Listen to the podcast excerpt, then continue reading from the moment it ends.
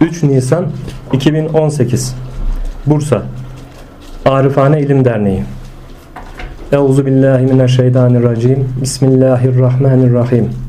Vel asr. İnnel insane lefî husr.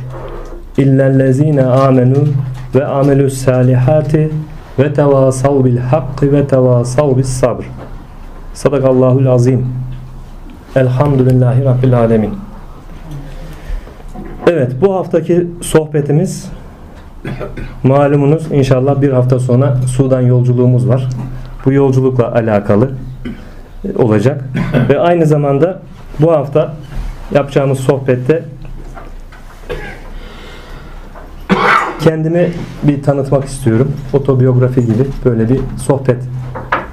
Ve bu yolumuzla alakalı, yolculuğumuzla alakalı bazı bilgiler vermek istiyorum. Bu konuda arkadaşlarımız, kardeşlerimiz soruyor. Daha detaylı bir bilgi almak istiyor. Bu konuda aydınlatmak istiyorum inşallah. Bugünkü sohbetimiz hem bu nitelikli olacak hem de yolculuğumuzla Sudan yolculuğunu mahiyeti hakkında e, sebepleri hakkında bilgilendirme yapacağım inşallah. Hem de e, dönünceye kadar bir ayrılığımız olacak. Vedalaşmış olacağız. Veda sohbeti gibi bir şey olacak. İnşallah Allah nasip ederse eğitim sonrası dönünceye kadar. Ben aslen annem babam e, Kırşehirli, Kırşehir merkez olup babamın memuriyeti nedeniyle 1969 yılında Ankara'da dünyaya geldim. İsmim Ahmet Şahin Uçar. Yine babamın memuriyeti sebebiyle 1974 senesinde Bursa'ya tayin olmasıyla birlikte Bursa'ya geldik. O zaman 6 yaşlarındaydım. İlk okul, ortaokul, lise ve e, açık öğretimden e, İktisat Fakültesi mezunuyum. Bu eğitimi burada Bursa'da tamamlamış oldum. Sonra e, babamın memuriyetine duyduğum ilgi, alakadan dolayı polis olmak arzusu içime yerleşti. Her ne kadar rahmetli babam polis olmamı istemese de demek ki nasipmiş. Bu içime yerleşince polis olmak arzusuyla müracaat ettim. 1992 senesinde polis okuluna gittim. Trabzon Polis Okulu'na. Daha sonrasında Kayseri'ye atandım ve orada göreve başladım. Yaklaşık olarak 14-15 yıl gibi bir memuriyet hizmetim oldu. Kayseri'den sonra Hakkari'de görev yaptım. Özel harekata geçme arzusu sardı. Sonra özel harekata geçtim. Polislikte daha bir aktif görev yapmak için vatanımıza, milletimize daha faydalı olabilmek düşüncesiyle özel harekatta görev yaptım. Daha sonra Bursa'ya tayinimiz çıktı. Bursa'ya atandık. Bursa'da da bir 10 yıla yakın bir zamanda hemen hemen Bursa'da görev yapmış oldum. Yine özel harekat bünyesinde olmakla birlikte değişik kadrolarda çalıştım. 20'li yaşlarımda tasavvufa karşı bir ilgim, alakam oluşmaya başladı. Okudukça, Ehlullah'ın seçkinlerinin eserlerini okudukça gördüm ki tasavvuf dinin özü demekmiş. Dinin hakikati demekmiş. Tasavvufu anlayabilen, idrak edebilen dinin özünü anlayabilir, e, idrak edebilir. Bunu anladım. Bu bende anlaşılmaya ve oturmaya başladı. Ve e, dediğim gibi Ehlullah'ın seçkinlerinin eserlerini e, alıp okumaya gayret ediyordum 20'li yaşlarımdan itibaren. Abdülkadir Geylani Hazretleri, İmam Rabbani Hazretleri, İmam Gazali Hazretleri, Ahmet er Rufai Hazretleri bildiğimiz seçkin ehlullahın o dönemde piyasada bulunan eserleri, kıymetli eserlerini okumaya gayret ettim. Bu zaman zarfı içerisinde tabii ki Bursa'mız e, bu konuda zengin. E, bir takım böyle tasavvufi yaşantı içerisinde olan gerek cemaatler gerek tarikatlar olsun. Onların içerisinde gidip bulundum. Onlardan nasiplenmek arzusuyla, oradan bir takım bilgiler edinmek arzusuyla ve iç alemimde tasavvufu öğrendikten sonra intisap edebileceğim, feyizlenebileceğim e, kendime münhasır bir yol arama arzusu beni sardı. İlk etapta böyle. E, bu manada da gidip işte e, farklı dini tasavvufu anlatan gruplar içerisinde bulundum. Fakat nasip olmadı. Herhangi bir şekilde böyle intisap edebileceğim bir yerle karşılaşmadım. Ya da e, mutmain olmadım. Ya da fıtratıma, mizacıma uygun yer ile karşılaşmadım. Artık bunu nasıl tasavvur ederseniz edin. Bu arayışlarım ama sürdü. Memuriyet hayatım boyunca. Nihayetinde 2004 yılında Cenab-ı Allah hacca gitmeyi nasip etti. 2004 yılında 2004 yılının sonuydu. 12. aydı. Yani 2004'te gittik, 2005'te geldik. Bir sene sonra geldik hacdan. 2005 yılında hacdan dönüşümüz olmuş oldu. O sene hacca gitmezden önce yani o hacca gideceğimiz sene e, Ramazan bayramının ikinci günü birinci günü akşamı yani ikinci günü olmuş oluyor. Benim için hayatımın dönüm noktası diye tabir edeceğim manevi bir rüya gördüm. Şimdi o rüyamı da inşallah sizlerle paylaşmak istiyorum. Rüyamda bir tren vagonunda bulunmaktayım. Sıralı birçok tren vagonları var. Bu tren vagonlarının hepsinin yan ve üstleri, yan e, duvarları ve üstü tavanı yok. Açık. Bu ön tarafta lokomotif nerede gözükmüyor. Yani ön tarafta bayağı bir tren vagonu var. Arka tarafımda benim bulunduğum vagondan sonra da arka tarafta birçok tren vagonu var. Ben bu tren vagonunun içerisinde açık olan yanları ve üstü açık olan tren vagonunun içerisinde bir koltuk gibi ya da bir sedir gibi e, bir yerde oturuyorum. Tam karşımda ayak uçları bana bakacak şekilde 3 tane tabut bulunmakta. Vagonun içerisinde oluyor bu hadise. Tren yolculuğuna devam ediyor. Tren seyir halinde. 3 tabut karşımda bulunuyor. Ve 3 tane de şahıs var. Bu benim ile e, tabutlar arasında bulunan 3 tane de şahıs var. Bu şahıslar da vagon boyunca sürekli gelip gidiyorlar. Bir o tarafa bir bu tarafa gelip gidiyorlar. Bu şahıslar benim ile tabutlar arasına geldikleri zaman sırayla geliyor bunlar. Benim ile tabutların arasına geldikleri zaman e, baş parmağı ile e, işaret parmağı 90 derece birbirine açık vaziyette tabutları göstererek bu şekilde işaret yapıyorlar. Ben de aynı zamanda onlarla birlikte ben de aynı şekilde işaret parmağım yukarıyı gösterecek şekilde baş parmağım yanı gösterecek şekilde bu şekilde işaret yapıyorum. Allahu Ekber diyelim. Bu şekilde nöbetçiler bunlar nöbetçiymiş. Tabutların başında sürekli bu şekilde gelip gidenler. İki nöbetçi gayet nizami bir şekilde nöbetini tutarken üçüncü şahıs bir elinde de tesbih salladığını görüyorum. Kendi kendime içimden düşünüyorum. Bu üç, bu iki nöbetçi nöbetini gayet nizami, güzel tutuyor ama üçüncü nöbetçi e, pek nizami değil. Lakayt bir davranış sergiliyor gibi. Yani benim mahiyetimde o nöbetçiler benim mahiyetimdeymiş. Ben onların e, benim kontrolümdeymiş. Böyle bir his doğuyor içime. Bu şekilde bir düşünce içerisindeyim. Bunlar aynı şekilde devam ediyorlar. Bir süre böyle geçtikten sonra sahne değişti. Tabutlar yine karşımda. Üç tabut. Fakat mekan ev oldu. Bizim evimiz, bulunduğumuz e, evimiz oldu. Evimizin salonu oldu.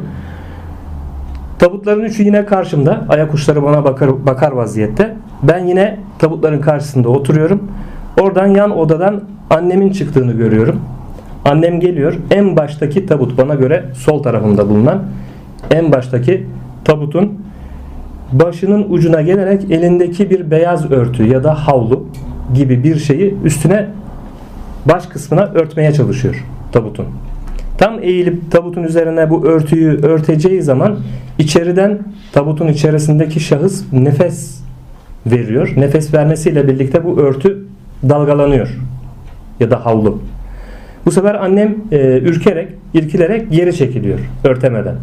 Tekrar ikinci kez aynı teşebbüste bulunuyor ve ikinci seferinde örtüyor. Yine aynı şekilde dalgalanıyor bu örtü içerideki kişinin nefes vermesiyle. Annem yine irkilerek çekiliyor. O arada bu en baştaki örtü örttüğü tabut dikilerek ayağa kalktı. Ayağa kalkınca bende şöyle bir his oluştu. Ee, sağ tarafında da dairenin, evin çıkış kapısı var. Benim bana göre sağ tarafta. Bu tabut kalktı. içinde bu tabutlar bana emanetmiş. Bu tabutları ben muhafaza altında tutmakla görevlendirilmişim. Tabut kalkınca benden önce evi terk edip gitmesine mani olmak için ben koşarak kapıya hızla varmaya çalıştım. Fakat e, o benden önce tabut benden önce kapıya geldi. Kapıya geldiğinde o ana kadar hadisenin ne olduğu hakkında bir fikrim, düşüncem yoktu. Oradan benim dilimden kapıda karşılaşınca benden önce gelince o zaman benden şöyle bir söz sadır oldu. Ya Resulullah nereye efendim? O Resulullah efendimmiş. O zaman anladım. Ya Resulullah nereye efendim dedim. Yumuşak bir ses tonuyla. Aynı ses tonuyla bana karşılık verdi. Size dedi. Resulullah Efendimiz. Size deyince ben o anda düşündüm. Biz buradayız, evdeyiz. Size demekle neyi kastediyor? Ne manaya geliyor gibi düşünceyle birlikte sağ elini uzattı. Bana sağ elini tuttum, öptüm. Sağ elini öpmekle birlikte o elinin serinliğini hissederek e, bunun heyecanıyla, zevkiyle, hoşnutluğuyla müthiş bir hale büründüm. Nefes almakta zorlandım. Çok zor bir şekilde nefes aldığımı, kalbimin çok kuvvetli bir şekilde attığını rüyamda hissetmeye başladım ve e, sevinçten ağlamaya başladım. Resulullah Efendimizin elini öptüm ve belinden sarıldım. Kafamı göğüs istikametine yaslayıp sarıldım ve bu hal, hadise beni çok etkiledi e, hıçkıra hıçkıra ağlamaya başladım. Ve bir taraftan da elhamdülillah Allah'ım sana şükürler olsun ya Rabbi diye bu şekilde nida ederek seslenerek adeta Azrail'in gelişini beklemeye başladım. Hani o kadar heyecanlandım ki artık nefes almakta nefes alamaz gibi bir hal bürüdü beni. Herhalde dedim ben burada ruhumu teslim edeceğim. Bir yandan da seviniyorum. Ne güzel Resulullah Efendimiz'e sarılmış bir vaziyette ruhumu teslim edeceğim diye. Azrail nereden gelecek, nasıl gelecek diye de onun da düşüncesi, beklentisi de var. Öyle bir hadise içerisindeyken birden uyandım. Uyandığımda halen hışkırarak ağlıyordum. Gözlerimden yaşlar aktığını gördüm. O nefes almakta zorlandığım hadise uyandığımda da devam etti birkaç dakika kadar. Sonrasında tabii ki benim bu halime, ağlayışıma, sesime e, yanımda hanım da uyandı. Hanım merakla hayırdır ne oldu diye sordu. Ben hiçbir şey anlatmadım. Dur dedim. Bekle. Kalktım. Gittim. Hemen abdest aldım. İki rekat şükür namazı kıldım. Yani gördüğüm hadise, gördüğüm rüya beni çok etkiledi. Çok e, mutlu oldum Resulullah Efendimiz'i görmüş olmaktan dolayı. Namazı kıldıktan sonra hanıma hadiseyi anlattım. Böyle böyle bir rüya gördüm diye. O zamanlar bir kızım bir oğlum var. Onlar yaşları ufaktı o zamanlar. 10 yaşlarında 9 yaşlarında oğlum, 11 yaşlarında kızım o, o civardaydı. Ee, bu hanıma rüyayı anlatırken diğer odada yatan oğlumun e, baba baba anne baba diye bağırarak seslenmesiyle koştuk hemen öbür odaya yanına. Hayırdır oğlum ne oldu? Korktun mu bir rüya mı gördün kabus mu gördün diye. Yatakta oturmuş vaziyetteydin ama kendinde değildi.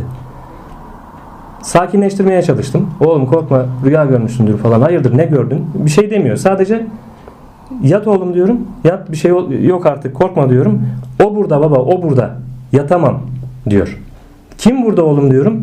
Bir cevap vermiyor. Sadece o burada baba yatamam diyor. Nihayetinde onu sakinleştirdik ve yattı. Daha sonra sabah sorduğumda oğlum ne görmüştün rüyanda anlat dediğimde hiçbir şey hatırlamıyordu. Böyle bir rüyayı gördükten sonra bu rüyanın tabiriyle alakalı ehil gördüğüm birkaç kimseye bu rüyayı anlattım.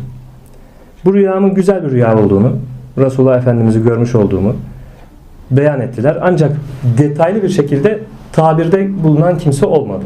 Hayırlı olsun, güzel bir rüya görmüşsün dediler ama bir tabirde bulunmadılar. Beni tatmin edici bir tabir oluşmayınca benim gönlüme şöyle doğdu. Zaten o dönemde de hacca gideceğimiz netleşmişti belli. Tarihi bekliyoruz. Kurallarda çıktık. Herhalde dedim e, bu Resulullah Efendimiz'i gördüğüm rüya Cenab-ı Allah bana Mekke'de ya da Medine'de bir zatı karşıma çıkaracak bu rüyamın tabirini yapacaktır diye gönlüme böyle doğdu. Nihayetinde ilk önce Mekke'ye gittik. Mekke'de kaldık, hacı olduk.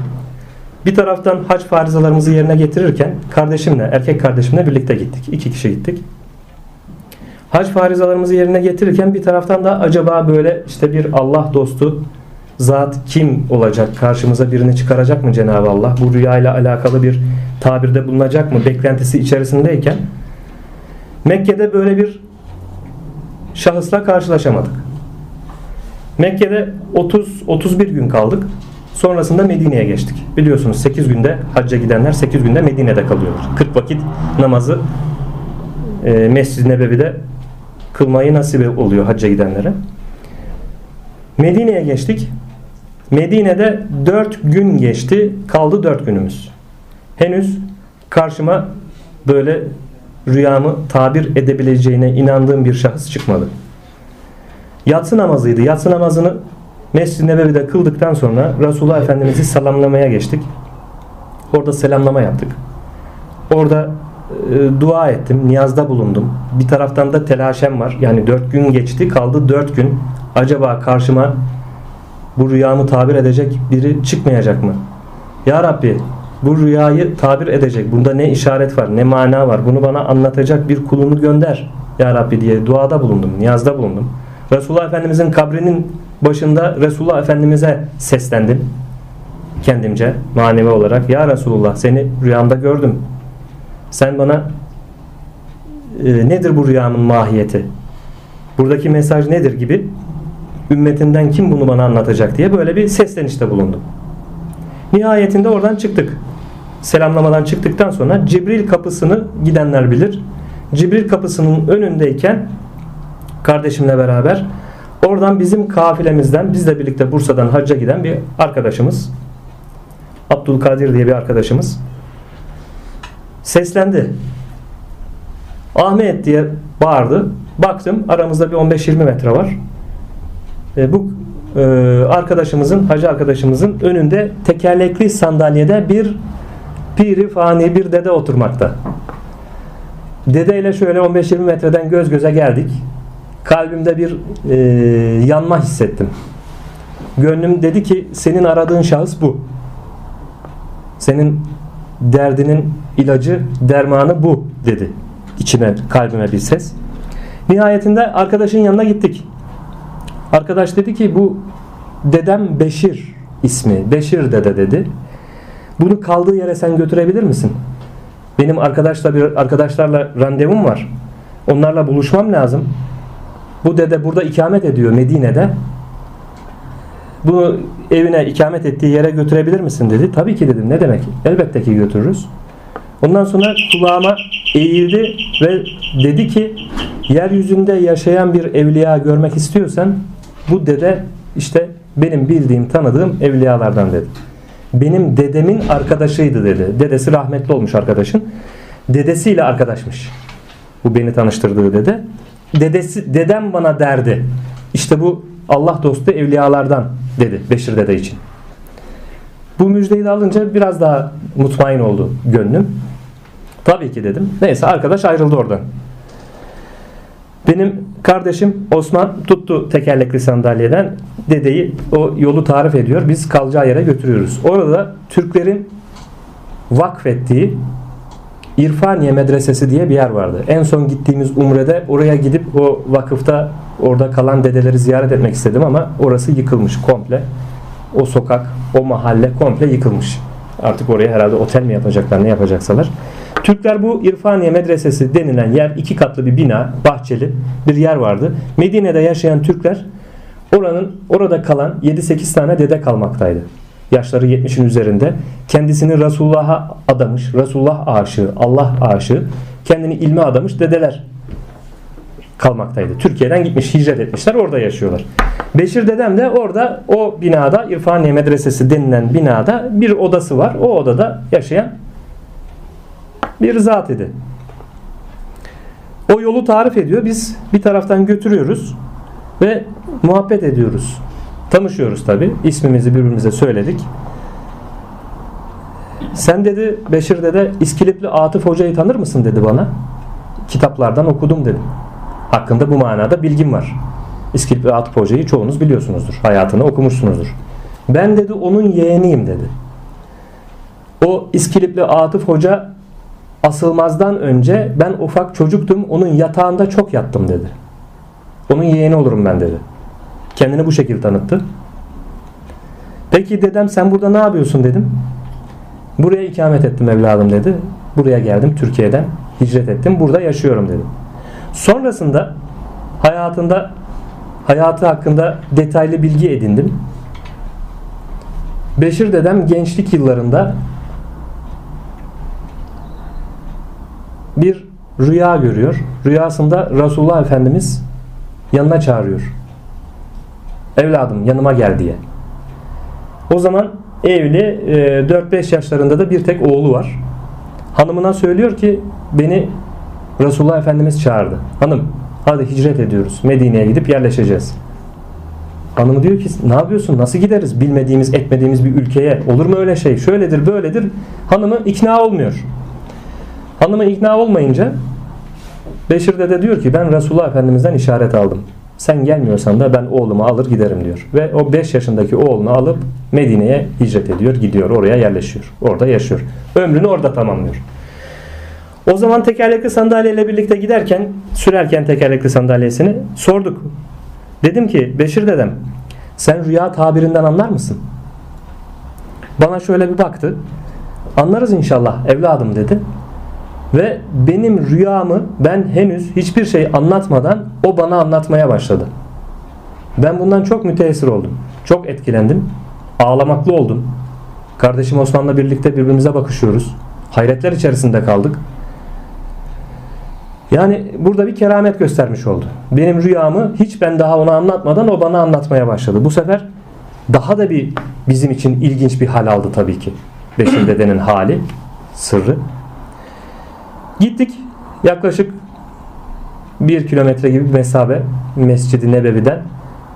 Gittik oraya e, eve girdik. Eve girdiğimiz zaman şunu gördüm Beşir dede de hemen iki rekat bir namaz kıldım. Daha sonra Beşir dedemle birlikte dört gün geçirdim. Yani Medine'de bulunduğumuz son dört günü Beşir dede ile birlikte hep hemhal olduk. Sohbet ettik. Çok şeyler anlattı. Sanki o dört gün değil dört sene geçirdik. O kadar bilgi anlattı bana.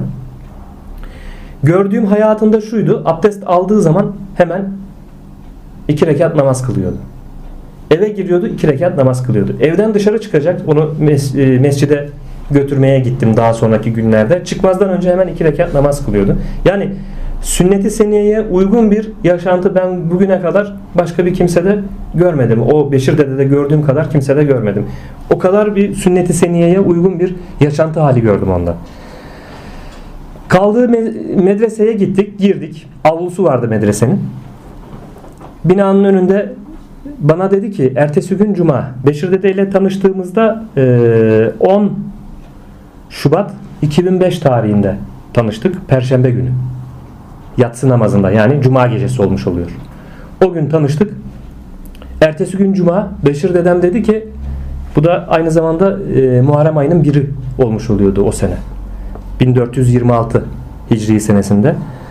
Ertesi gün Cuma günü dedi bir saat öncesinden gelir misin evladım beni dedi Cuma'ya götürmeye Mescid-i Nebevi'ye. Ne demek dede dedim. Tabii ki gelirim. Gelirken dedi kağıdını kalemini de al dedi. Sana söyleyeceklerim var. O zaman yazacaksın dedi. Bütün anlatacaklarımı Cuma günü anlatacağım sana dedi. Başka bir şey anlatmadı o gün bana. Sadece rüyamı anlattı o kadar. Yani benim görmüş olduğum rüyayı bana anlattı. Tamam dedim. Kardeşimle birlikte çıktık otele gittik. Ama o gece sabah olmadı tabi. Uyuyamadık. Acaba ne anlatacak? Bu nasıl bir insan? Hakikaten Allah dostu olduğu belli. Kerametini gösterdi. Bizim rüyamızı biz ona hiç anlatmadan anlattı. Düşünceleri içerisinde böyle sabah oldu. Sabah Beşir deden bir saat önce gel dedi ama biz iki buçuk saat önce falan gittik. Gittiğimizde abdest almış. İçeride binada abdest almış. Yeni dışarı çıkmış. Biz de avlu kapısından içeri girdiğimizde baktık. Yeni binadan dışarı çıkmış. Dışarıda bir sandalye vardı. O sandalyeye oturdu. Kıyafetini giyiyor, gömleğini giyiyor. Selam verdik. Yaklaştık yanına. Selamımızı aldı. Daha sonra bana hitap etti. Dedi ki içeride dedi benim dedi bastonum var. Asam var. Git dedi bastonumu getir içeriden. Beşir dede heybetli bir insandı. Celal esmaları daha yoğun bir şekilde zuhur eden bir hali vardı. Böyle baktığın zaman heybetli duruyordu böyle. Celalli duruyordu. Gir içeriden dedi bastonumu getir. Emrin olur dedem dedim. Hemen girdim içeriye. Sağa baktım, sola baktım, oraya baktım. Bir salon var. 3-4 tane de oda var. Odalara baktım. Ben baston falan bulamadım. Belki heyecandan artık o atmosferin heyecanından bilemiyorum. Biz bastonu göremedim. Her tarafa da inceledim. Bayağı bir 5 dakika oyalandım içeride. Bastonu bulamadım. Eziklik içerisinde çıktım dışarıya. Geldim Beşir dedenin yanına. Dedem dedim bastonu bulamadım dedim. Bana şöyle keskin bir bakış baktı. Nasıl bulamazsın dedi. Çabuk gir dedi bastonumu getir dedi. Sen dedi duvarın arkasını görmen lazım dedi. Git çabuk bastonumu getir dedi. Tabi fırçayı yedik koştuk tekrar içeriye. Baktık salonda köşede duvarın kenarında duruyor baston. O ikinci girişinde gördüm bastonu. Bastonu aldık geldik. Beşir dedeme teslim ettim. Çıkart dedi kağıdını kalemini. Çıkarttım. Şimdi sana söyleyeceklerimi iyi anla, iyi dinle, iyi notunu al dedi.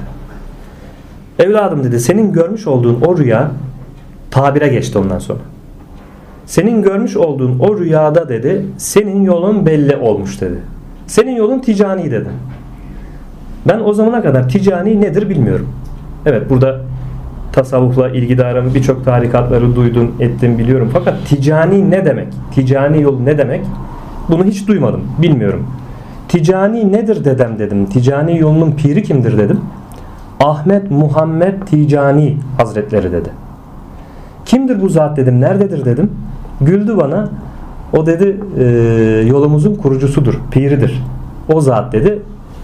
Fas'ta kabri. Fas'ın Fes şehrinde bulunmakta dedi.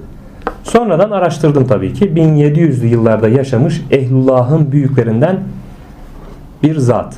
Ahmet Muhammed Ticani Hazretleri. Hatta bu Ahmet Muhammed Ticani Hazretleri'nin hayatıyla alakalı, yoluyla alakalı müstakil bir sohbet yaptık. 16. sohbetti galiba. Tasavvuf sohbetleri 16. Orada anlatmıştık. Onun hayatına girmeyeceğim ben şimdi. Ahmet Muhammed Ticani Hazretleri'nin. Peki dedim bu yolun şu an posta kim oturmakta? Bu yolu kim devam ettiriyor? Dedim Beşir dedeme. Beşir dedem şöyle bir baktı güldü bana. O zaman yanımda kardeşim Osman dedi ki abi dedi Beşir dedem bakışlarından belli mütevazilik yapıyor. Demek ki şu an posta oturan Beşir dedem dedi. Beşir dedem kafasını salladı. Anladık ki Beşir dedem o yolun halifesiymiş orada. Bana yapacağım zikirlerle, derslerle alakalı yazdırması gereken şeyleri yazdırdı. Nasihatlarını yaptı. Bu yolla yolu anlattı. Rüyamın e, detaylı bir şekilde yorumuna girdi. Orada görmüş olduğum üç tabutun baştakinin işte Resulullah Efendimiz olduğu, diğer yanındakinin aynı Mescid-i Nebevi'de bulunduğu gibi Hazreti Ebu Bekir ve diğerinin Hazreti Ömer olduğunu ifade etti. Nasihatlarda bulundu. Dediğim gibi Beşir dedem ile 4 gün geçirdik orada. Daha sonra aldım Cuma'ya gittik. Cuma namazımızı eda ettik. Bu 4 gün içerisinde birçok bilgiler aktardı bize. Şunu söyledi. Evladım dedi bu yol ticani yolu mübarek bir yoldur. Bunun diğer adı Muhammedi yoludur. İsminden Resulullah Efendimizin isminden gelmekte. Muhammedi bir yoldur. Başka bir adı Hanefiyedir. Hazreti İbrahim yolu olduğu için, Hanif din üzere olduğu için. Diğer adı İbrahimiyedir. Bu isimleriyle birlikte bu yolu ifade etti, anlattı. Bu yol üzerinden inşallah dedi vakti geldiğinde hakka, hakikate davet edeceksin dedi etrafındaki insanları. Ben şaşırdım. Evet tasavvufla ilgidarım. Tasavvufi manada bazı eserler okuyorum ama bu davet etmek mevzusu kolay bir iş değil. Güldü bana dedi ki e, ihtiyacın olan ilmi zaman içerisinde Allah'ın izniyle öğreneceksin. Öğrendikten sonra da dedi insanlara bu bildiklerini anlatmaya başlayacaksın. Bu yol üzerinden hak ve hakikatte insanları anlatmaya, davet etmeye başlayacaksın. İnşallah dedi. Nasıl olacak peki dedim dedem. Ben bilgidar değilim. Bu manada bir ilmim yok. Olacak evladım inşallah dedi. Allah o ilmi de sana nasip eder. Zaman içerisinde dedi. Dedim ben Türkiye'de polisim. Mesleğim polislik. Bu hususta ne dersin? Devam edeyim mi polisliğime dedim. Şimdilik devam et evladım dedi. Peki dedem dedim. İşte adaletten, dürüstlükten birçok şeyler anlattı. Seni e, bu davayı anlatmaya başladığında herkesin anlamasını bekleme. Bunlar bu hakikatler işte üst perdedendir. Herkes bunları anlayamaz. Anlayamayan olabilir, üzen olabilir. Bu manada kimseye üzülme, gönül koyma gibi nasihatlarda bulundu. Ve bu emaneti sana bu emanet bundan sonra sana geçiyor evladım dedi. Nasıl geçecek dedem dedim. Nasıl olacak bu iş? Vakti geldiğinde sana işaretini alacaksın dedi. Nihayetinde dört gün geçtikten sonra Beşir dedemle vedalaştık. Helalleştik. Bir daha görüşebileceğiz mi dedem dedim. Ya nasip evladım dedi. Bu dünyada olmazsa da ahirette inşallah görüşürüz dedi. Normalde yürüyebilmesine rağmen yaşı çok ileri olduğu için 80'in üzerinde bir yaşı vardı. Artık yaşlılıktan dolayı yürümekte zorluk çekiyor. En son gün bizi yaklaşık bir o avlu dediğim yeri 20 metre kadar mesafeyi ayakta kalkarak yolcu etti. Ben o kadar ısrar etmeme rağmen hayır dedi sizi ayakta yolcu edeceğim. Resulullah Efendimiz misafirini yolcu ederdi dedi. Ben dedi o sünneti yerine getirmek zorundayım. Getir, getirmem gerekiyor dedi. Israr etmemize rağmen yine de ayağa kalktı. O şekilde bizi yolcu etti. Daha sonra çıktık geldik. Burada görevimize başladık. Polisliğimizi ifa ediyoruz. Bir yıl kadar meslekte çalıştım. Fakat bu arayışta benim iç alemimde bir fıkırtı başladı. Yani e, polislik mesleği üzerinde durmak beni rahatsız etmeye başladı. İnandığım değerleri inandığım şekilde yaşamak hususunda kendimi kısıtlı görmeye başladım. E, bu kısıtlılıktan kurtulmak gerektiğini düşündüm, inandım. Ve bunu yine aklı selim gördüğüm birkaç kişiyle istişaresini yaptım. Bu meslek beni sıkıyor, kısıtlıyor. Ben bu meslekten ayrılmak istiyorum, bırakmak istiyorum ne dersiniz diye. 10 kişiye sordum. 9'u deli misin? Sakın ha bırakılmaz böyle bir şey. Çoluğun çocuğun var dedi. 15 sene bu meslekte kalmışsın. Kalmış 5 sene emekliliğine. Sakın öyle bir şey yapma dediler. Bir kişi. Demek ki beni anlayan o bir, kişiymiş. O olumlu baktı benim bu niyetime, görüşüme. Nihayetinde bunun içerisinden ben çıkamadım. Yani yanlış yapmaktan korktum. Polisliği bırakacağım ama hata yapar mıyım? Yanlış yapar mıyım? Ve bunu en sonunda manadan cevap almaya karar kıldım. Yine manada yani rüya yoluyla Resulullah Efendimizin e, mesleği bırakmamızı işaret etmesi neticesinde gidip istifamı verdim. Ondan sonra mesleği bıraktık. Mesleği bıraktıktan sonra tabii ki e, sıkıntılı bir hayat dönemimiz oldu. Gerek maddi gerek manevi bir takım sıkıntılarla karşılaştık tabii. Olgunlaşma, pişme zamanı. O dönem içerisinde Karacabey'in bir köyünde babamın rahmetli emekli olduğu zaman aldığı bir ufak bir yer vardı arazi ve onun içerisinde iki, iki odalı bir ev vardı. Orada gidip yaşamaya karar verdim. Bir nevi halvete çekilmeye karar verdim. Böyle olması kalbime doğdu. Ve nihayetinde oraya gittik. Hanımla birlikte gittim. Çocuklar o zaman ufak tabii okuyorlar. Çocukları burada bıraktık babaannesinin, anneannesinin, dedelerinin yanında okula bıraktık. Hanımla birlikte gittik. Orada yaklaşık 7 yıl gibi ben öyle halvet senelerim diyorum yani halvete çekilmek gibi. 7 yıl bir hayat yaşadık orada.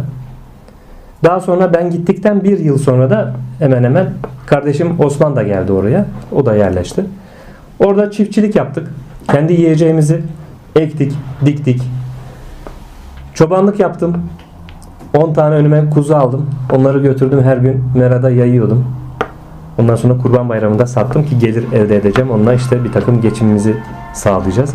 Nihayetinde orada 7 yıl bir süre geçirdik. Bu 7 yıl içerisinde elhamdülillah Cenab-ı Allah nasip etti.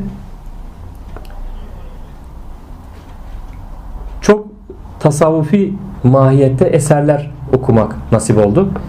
En çok da bu Fütuhat-ı Mekkiye, Muhyiddin İbn Arabi Hazretleri'nin Fütuhat-ı Mekkiye'sini defalarca okumak nasip oldu. Cenab-ı Allah orada onu nasip etti. Her okuyuşumda farklı farklı e, anlayış, idrak açılımı olduğunu görmeye başladım. Onun için her zaman söylüyorum. Mutlaka okuduğunuz bir kitabı bir kere okumakla bırakmayın diyorum. İkinciye okuyun, üçüncüye okuyun, bir zaman geçtikten sonra dördüncüye okuyun. Veyahut da herhangi bir hakikate dair bir sohbeti, bir nasihatı ikinciye dinlemekten, üçüncüye dinlemekten imtina etmeyin. Çünkü her dinleyişte farklı farklı bir mana açılır. Mutlaka okuduğundan eser içinde böyledir. Duyulan bir kelam, söz içinde böyledir. Benim için de böyle oldu. Her seferinde farklı manalar açıldı. Nihayetinde belli bir süre geçtikten sonra yani bu halvet yıllarının dördüncü senesinde bildiklerimizi, öğrendiklerimizi anlatmamız adına manevi bir işaret almakla birlikte o zaman da etrafımızdaki, çevremizdeki insanlara yavaş yavaş başladık anlatmaya.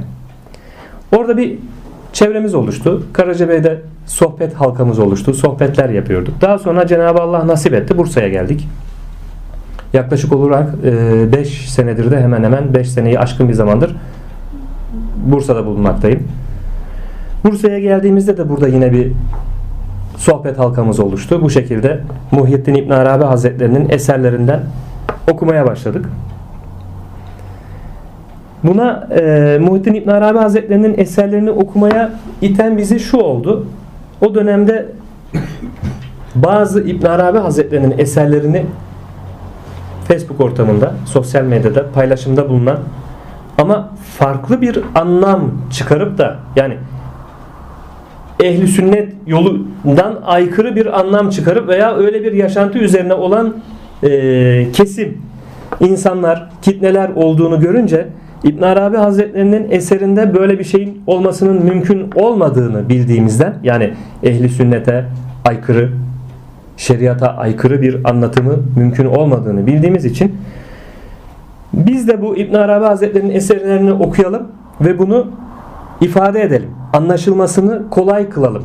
Anlayabildiğimiz, buradan bu eserden anlayabildiğimiz kadarını çevremizdeki insanlara anlatalım, paylaşalım diye böyle bir sohbetleri düzenlemeye karar kıldık. Nihayetinde böyle ev ortamında sohbetlere başladık. Daha sonra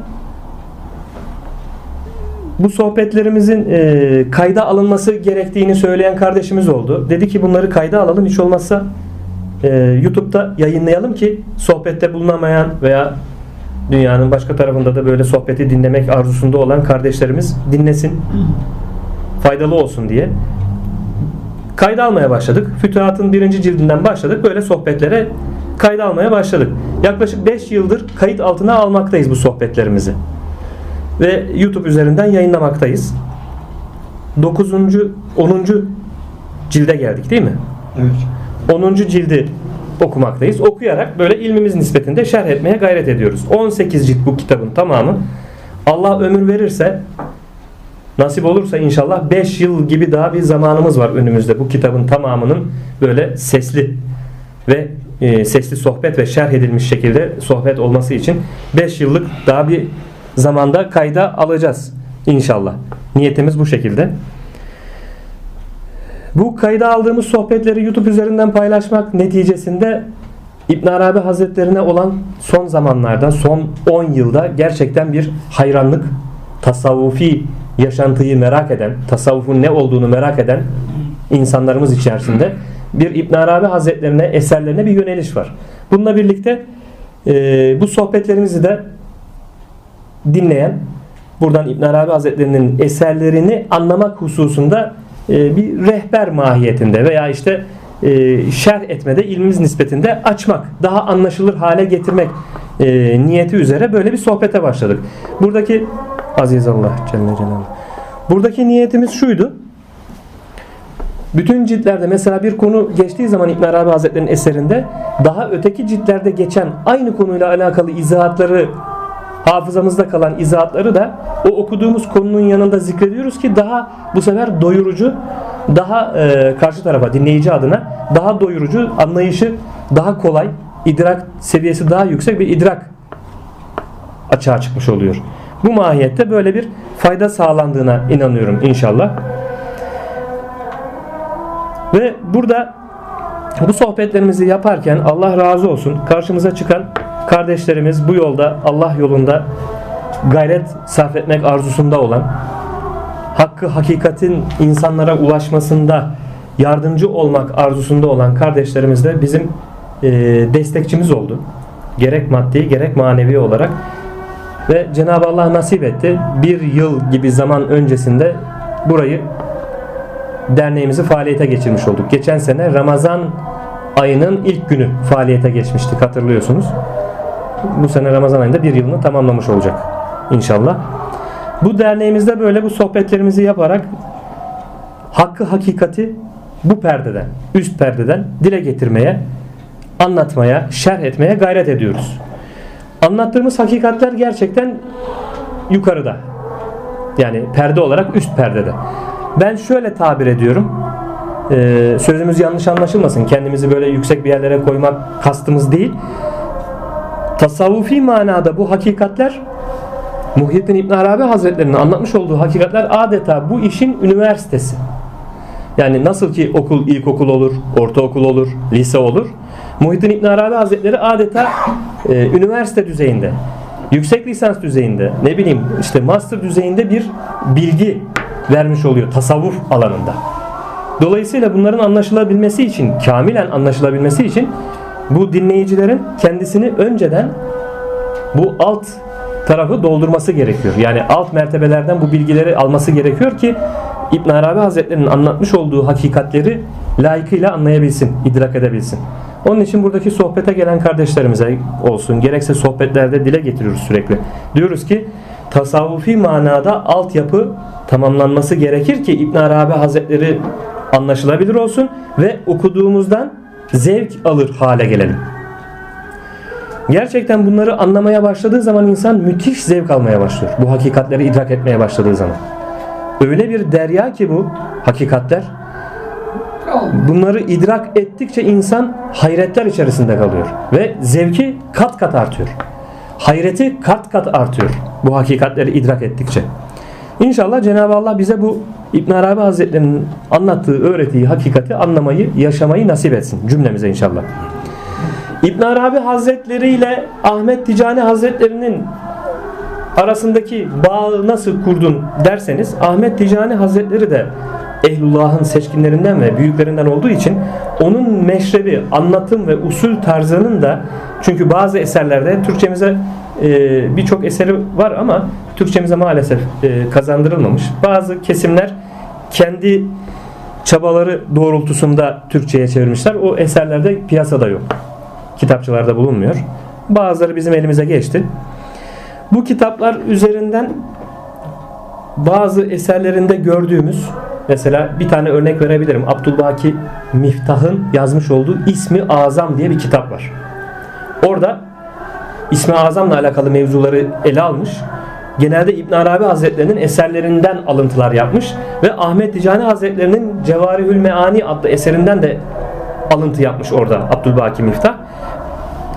O anlatıma baktığımız zaman Ahmet Muhammed Ticani Hazretlerinin anlatımı ile Muhittin İbn Arabi Hazretlerinin anlatımının birbirine paralel görüyoruz. Yani aynı çeşmeden su içtikleri belli oluyor. Aynı meşrep üzere. Dolayısıyla bizi cezbeden, celbeden İbn Arabi Hazretlerine e, çeken bu da oldu yani. Böyle bir mevzu da var. Ahmet Ticani Hazretlerinin eserlerine ulaşmamız imkanı olmadığı için Türkçe olarak günümüzde. Burada İbn Arabi Hazretleri'nin eseri üzerinden de faydalanmış olduk. Şimdi burada Allah nasip ederse 10 Nisan'da bir hafta sonra bizim Sudan yolculuğumuz olacak. Sudan'a yolculuğumuzun gayesi Arapçayı kamilen öğrenmek, Arapça dilini öğrenmek ve bu manada inşallah Hem bilgimize bilgi katmak, insanın öğrenciliği bitmez. Ömür boyu öğrencidir. Ölünceye kadar insan öğrencidir. Hem bilgimize bu manada bilgi katmak hem de bu bilgilerle donandıktan sonra inşallah e, yaptığımız sohbetlerde çevremizdeki eşimize, dostumuza, kardeşlerimize faydalı olabilmek. Arapçayı güzel bir şekilde öğrenip de gelmeyi nasip ederse Cenab-ı Allah burada dileyen, arzu eden kardeşlerimize de Arapça öğretmek. Bu sohbetlerimizde yapmak gayretindeyiz inşallah. Arapça dil eğitimi vermek gayretindeyiz. O zaman rüyamı yorum yaparken Beşir dedem ta o zaman 2005 senesinde hacda bulunduğum zamanda bir de şöyle kelam olmuştu. Evladım sen bu yol üzerinden hakka hakikate insanları davet et. Davet edeceksin. Ve gün gelecek vakti geldiğinde Sudan insanlarıyla da irtibata geçeceksin. Sudanlılara da hak ve hakikati bu yol üzerinden anlatacaksın inşallah demişti. O zaman ben tabi bu sözüne bir anlam verememiştim. Sudan nere? Biz nere? Bu manevi işaretlerle birlikte bu yol açıldı elhamdülillah ve Sudan'a böyle bir yolculuğumuz çıktı. Orada Allah nasip ederse planımız programımız bir yıl gibi bir süre kalmak. Araştırmalarımıza göre bir yıllık bir süre yoğun bir şekilde eğitim alındığında istediğimiz düzeyde Arapça dil bilgisine sahip olabileceğimiz yönünde bilgi aldık. Artık gittiğimiz zaman karşılaşacağız. Nasipse orada neyle karşılaşacağız. Oradan Sudan'dan bir e, Türkiye'den gitmiş oraya yerleşmiş bir kardeşimizle irtibata geçtik. Bu kardeşimiz Allah razı olsun bize yardımcı olacağını söyledi. İşte bu eğitim almak hususunda olsun, kalmak, barınmak hususunda olsun bana rehberlik yapabileceğini, yardımcı olabileceğini bu konularda yardımcı olabileceğini söyledi. Gittiğimiz zaman o kardeşimizle irtibata geçeceğiz. İnşallah orada artık nasıl bir ortam olacak onu bilmiyorum. Gittiğimiz zaman göreceğiz. Çünkü birkaç seçenek var bu dil eğitimiyle alakalı. O seçenekleri oraya gittiğimiz zaman değerlendireceğiz. En verimli bizim için neyse ona göre karar kılıp o seçenekte karar kılıp o eğitimi alacağız inşallah. Sudan'da bulunduğum zaman zarfı içerisinde telefonda WhatsApp grubumuz var biliyorsunuz. WhatsApp grubundan e, paylaşımda bulunuyoruz. Zaman zaman makaleler yazıyoruz. Bu WhatsApp grubunda yaptığım paylaşımları Halil kardeşim de işte Facebook ortamından sayfalarımızda yayınlıyor. Allah razı olsun. Onları o takip ediyor. WhatsApp grubumuzdan inşallah Sudan'da bulunduğumuz süre içerisinde e, bu manada yine daha önce olduğu gibi makaleler yazıp hakikate dair makaleler yazıp paylaşıma devam edeceğiz. Allah nasip ederse. Ve bir nevi öyle diyorum arkadaşlar arasında Sudan'da e, kültür ateşeliği görevi gibi bir görev üstlenmiş olacağız. Nasıl yapacağız? Sudan'ı, Sudan'ı ve Sudan halkını tanıtacağım. Ona tanıtmaya yönelik paylaşımlarda bulunacağım inşallah. Gerek görsel olarak gerekse yazıya dökerek oradaki insanların yaşayışları, kültürleri hakkında e, olaylara bakışları hakkında yani e, ne kadar onlar hakkında bilgi edindiysem o bilgileri de WhatsApp'tan sizlerle paylaşmayı düşünüyorum. Bu manada siz gitmeden de Sudan hakkında inşallah bayağı bir bilgidar olacaksınız. Böyle bir niyetimiz de var. Orada bulunduğumuz süre içerisinde Fütuhat-ı Mekke'ye sohbetlerine devam edeceğiz. İnşallah. Ee, haftanın bir günü belirlediğim bir gün üzerinden yine Fütuhat-ı Mekke'ye sohbetini yapacağız. Bu şekilde kayda alacağız ve YouTube üzerinden yayınlamaya devam edeceğiz. Farklı bir takım etkinliklerde olabilir mi? Sohbetlerde olabilir mi? Onu da bilemiyorum. Zaman gösterir. Evet. Oradaki etkinliklere de duruma göre, şartlara göre hareket edeceğiz inşallah. Böyle bir düşüncemiz var. 13 yıldır hac dönüşünden sonra düşünüyordum bu Sudan meselesi nasıl bir mesele? Nasıl karşıma çıkacak diye. Cenab-ı Allah böyle karşımıza çıkardı. Nasip oldu. Ee, bu Sudan'a gitmeye gitmemize yardımcı olan tüm kardeşlerimizden de Allah bin kere razı olsun. Burada bu e, dualarımı, iyi niyetimi de dile getiriyorum. Evet burada sohbetlerimiz burada burası için, derneğimiz için haftanın bir günü yine devam edecek. e, muhtemelen e, Perşembe günü yine akşam namazından sonra Hilmi amcam burada şeriat bilgisi yani fıkıh bilgisi, ilmi hal okuyarak böyle e, gerekli olan her insana gerekli olan e, fıkhi bilgileri anlatır tarzda bir sohbet düzenleyecek. Burada bu sohbetlerimizde devam edecek. Onun için buradaki sohbetlere perşembe günleri e, inşallah katılımlarınızı bekleriz. Şeriat sohbeti olması hasebiyle herkesin rahatlıkla anlayabileceği sohbetler. Fıkhi bilgiler. Hem bilgilerimizi tazelemiş oluruz. Hem bilmediklerimizi öğreniriz. Hem de burada e, faaliyetimiz devam etmiş olur derneğimizde. Derneğimiz yine dediğimiz gibi açık. Gün içerisinde Hilmi amcam burada inşallah bulunacak. Dileyen kardeşlerimiz gelip kütüphaneden faydalanmak isteyen kardeşlerimiz gelebilir. Kitap okuyabilir. Çayını kahvesini içebilir. Hilmi amcamla hasbihal edebilir. Gelen arkadaşlar burada kendi aralarında sohbet edebilirler.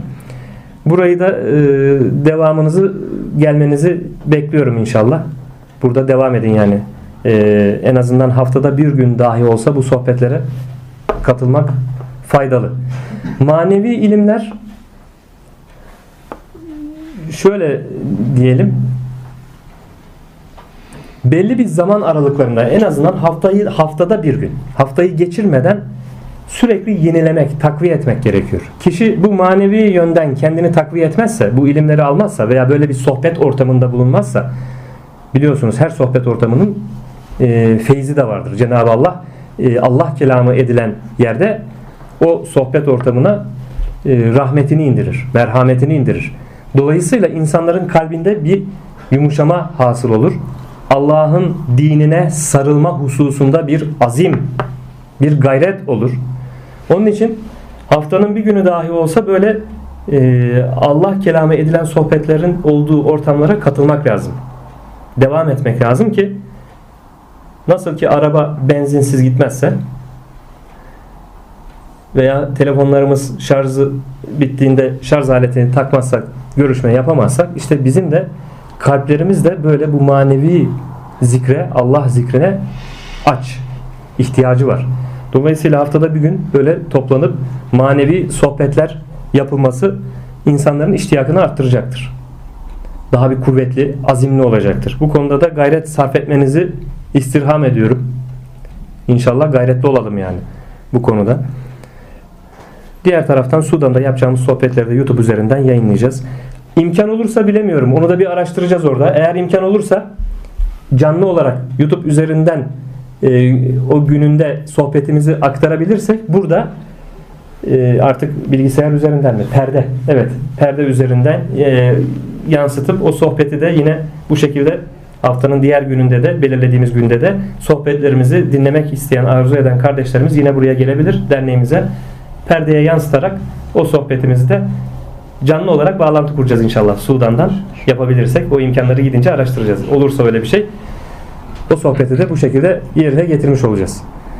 Bunları böyle paylaşmak istedim sizinle. Yolculuğumuzu e, beyan ettik, dile getirdik. Dualarınızı bekliyorum inşallah. Cenab-ı Allah orada e, işlerimizi kolay kılsın. Dünya ve ahiretimizin ahiret saadetine ulaşmada vesile kılsın inşallah cümlemiz için her yaptığımız işi, fiillerimizi, amellerimizi. Bu hicretimizi de hicret diyorum ben buna. İnşallah bu hicretimizi de ilim öğrenmek niyeti kastı üzere hicret edeceğiz. Arapçayı öğrenmek. Çünkü Arapça malum biliyorsunuz Allahu Teala Haz e, İsmail Hakkı Bursevi Hazretlerinin kitabında şöyle beyan olunuyor. Allahu Teala Hazreti Adem'e 700 dil öğretti.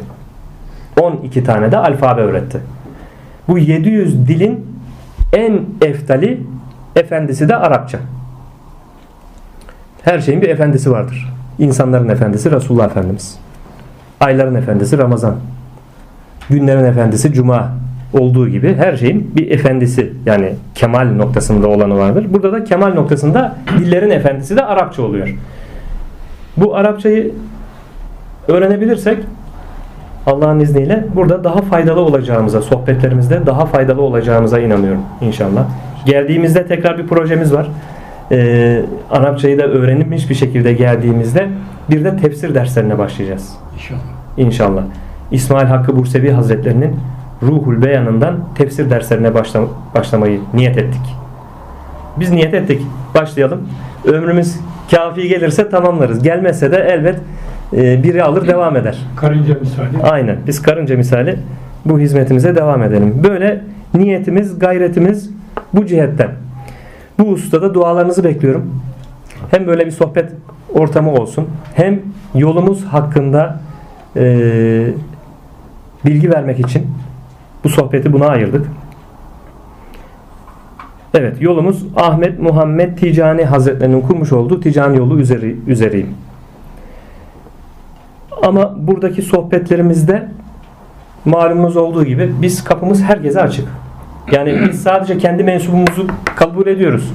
Onun dışında kabul etmiyoruz gibi asla ve kata bir yaklaşımımız yok. Bizim bakışımız çok farklı. Yani hak, hakikat dile getirilsin, anlatılsın, ifade edilsin. Biz yolumuza gelin diye bir davette değiliz. Biz hakka davet ediyoruz inşallah. Bizim amacımız, gayemiz hakka davet. Dolayısıyla burada biz ara, araç konumundayız. Bu hakikatte de böyledir zaten. Yani amaç hakka vasıl olmak. Allah'ı bilmek, tanımak, Resulullah Efendimiz'i bilmek, tanımak, layıkıyla istidadımız oranında, ayağını sabitemizin gereği oranında Allah'a kulluğumuzu yaşayabilmek. Davamız bu. Çünkü yaratılış gayemiz bu. Dünyaya gönderiliş gayemiz bu.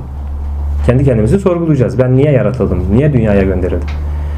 Yaratılış gayemiz Allah'ı bilmek, tanımak. Bu manada bizim bilgimiz, ilmimiz nispetinde Allah'ı tanıtmaya gayret ediyoruz. Hem yaşamaya çalışıyoruz hem de bunu bildiklerimizle aktarmaya gayret ediyoruz. Dolayısıyla burada biz bir araçız. Araç.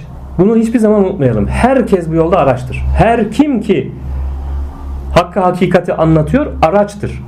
Hiçbir zaman araçta takılıp kalmayın. Sakın ha. Araçta takılıp kalan amaca asla ulaşamaz. Araçtan alması gerekeni kişi alır.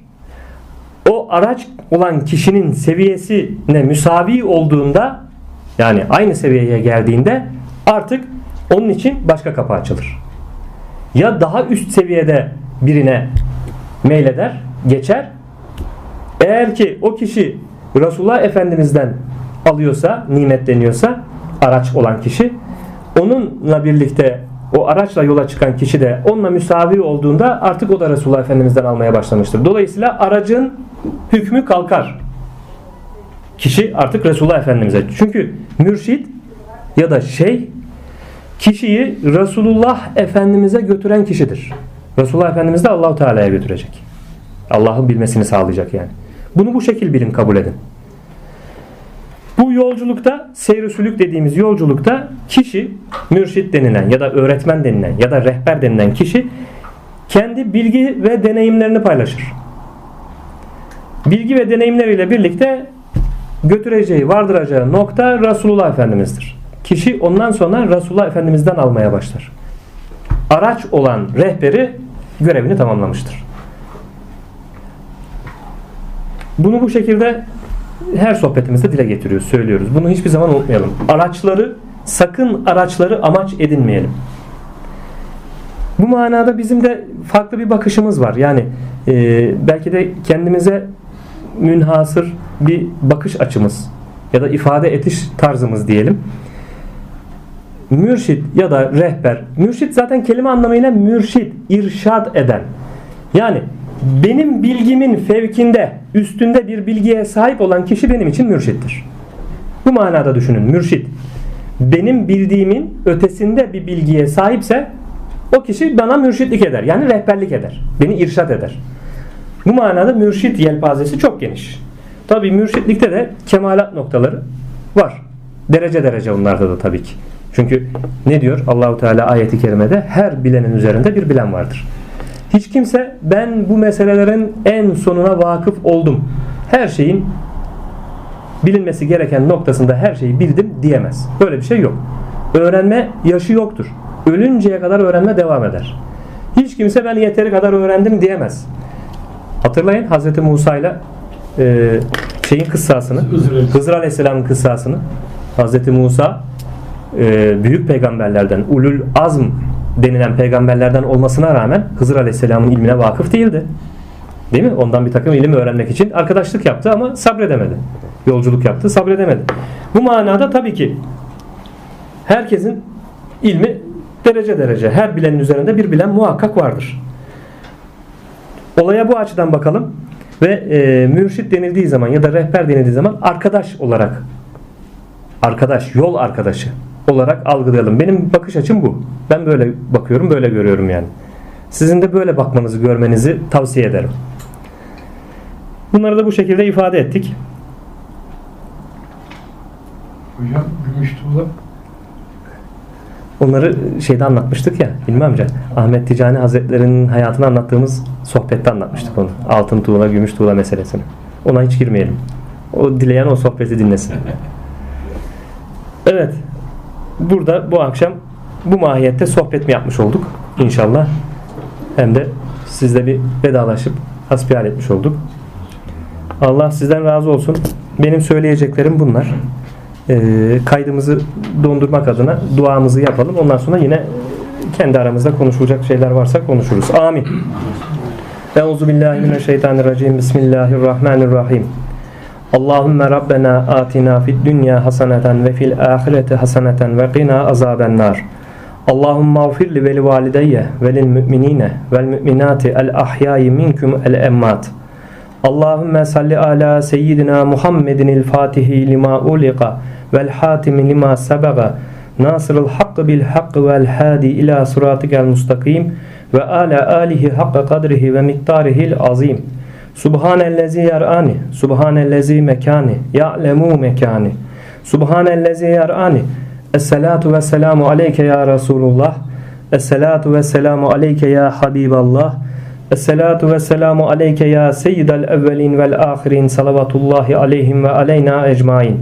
Subhane rabbike rabbil izzeti emma yesifun ve selamun alel murselin velhamdülillahi rabbil alemin. El Fatiha.